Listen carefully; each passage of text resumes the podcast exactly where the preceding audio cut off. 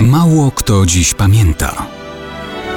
Datownik historyczny prezentuje Maciej Korkuć.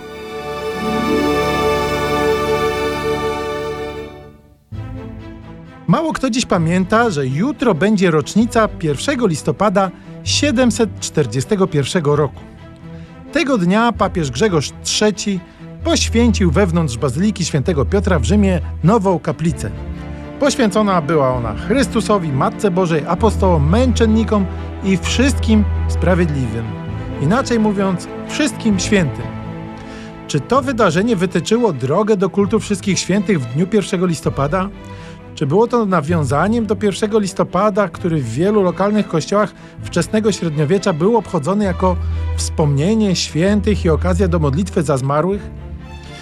Czy było to również nawiązaniem do zupełnie przedchrześcijańskich zwyczajów związanych z zamieraniem przyrody przed zimą?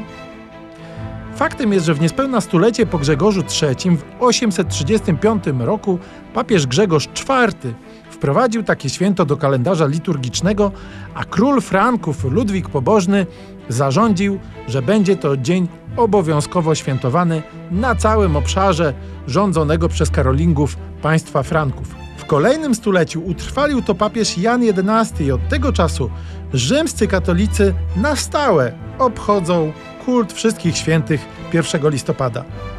Kiedy więc będziemy jutro i pojutrze odwiedzać świątynie i cmentarze, warto pomyśleć, że rok w rok podążamy śladem wyznaczonym przez papieży z IX i X wieku i przez króla Franków, Ludwika, o nieprzypadkowym pseudonimie Pobożny.